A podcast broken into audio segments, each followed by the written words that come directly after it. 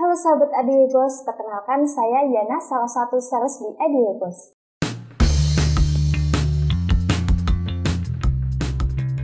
Oke, langsung aku jelasin aja ya role di program fakta atau hoax ini. Gampang banget kok, jadi nanti aku bakal bacain fakta ataupun hoax, terus Mbak Yana tinggal pilih aja dan kasih penjelasan singkat menurut versi dari Mbak Yana sendiri. Siap? Siap.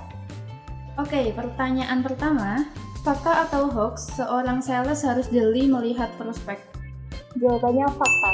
Eh, karena apa? Karena prospek itu diibaratkan kita itu menambang sebuah emas. Jadi kita itu harus bisa membedakan antara eh, biji kerikil dengan biji emas. Eh, jadi seorang sales itu harus pandai eh, mengidentifikasi begitu. Karena eh, seorang sales itu harus eh, pandai mengidentifikasi karena tidak semua prospek itu eh, dikonversikan menjadi penjualan. Jadi kita harus jeli melihat peluang tersebut. Oke, lanjut ke pertanyaan kedua, fakta atau hoax, sales harus pandai membangun hubungan. Jawabannya fakta. Eh, dengan membangun hubungan itu hal yang penting di dalam dunia sales.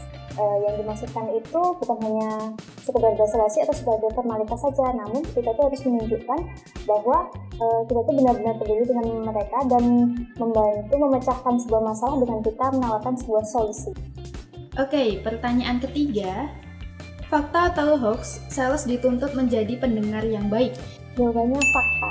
Eh, menjadi pendengar yang baik itu adalah salah satu skill yang wajib dimiliki oleh seorang sales. Kenapa? Karena dengan skill itu kita itu dapat menunjukkan kepada mereka kalau kita itu peduli terhadap mereka.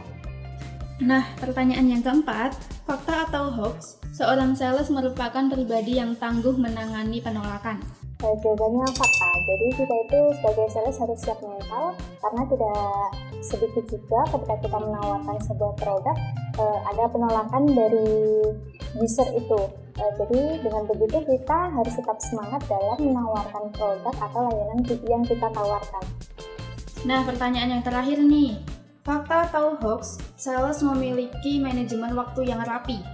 Jawabannya fakta. Eh, dengan manajemen waktu itu bisa dimulai kita itu mempunyai sebuah buku atau catatan tersendiri eh, yang mana itu diperlukan jika kita itu harus follow up kepada calon atau pelanggan kita jadinya nanti kita mempunyai sebuah histori bagaimana progres eh, kemajuan atau progres eh, penjualan produk yang kita tawarkan Oke, terima kasih ya Mbak Yana. Semoga dengan fakta hoax kali ini, sahabat ID Web Host jadi lebih mengenal seorang sales dan pengalaman ini bisa bermanfaat di kemudian hari. ya sama-sama Kunjungi sekarang www.idwebhost.com Jasa web hosting terbaik nomor satu di Indonesia.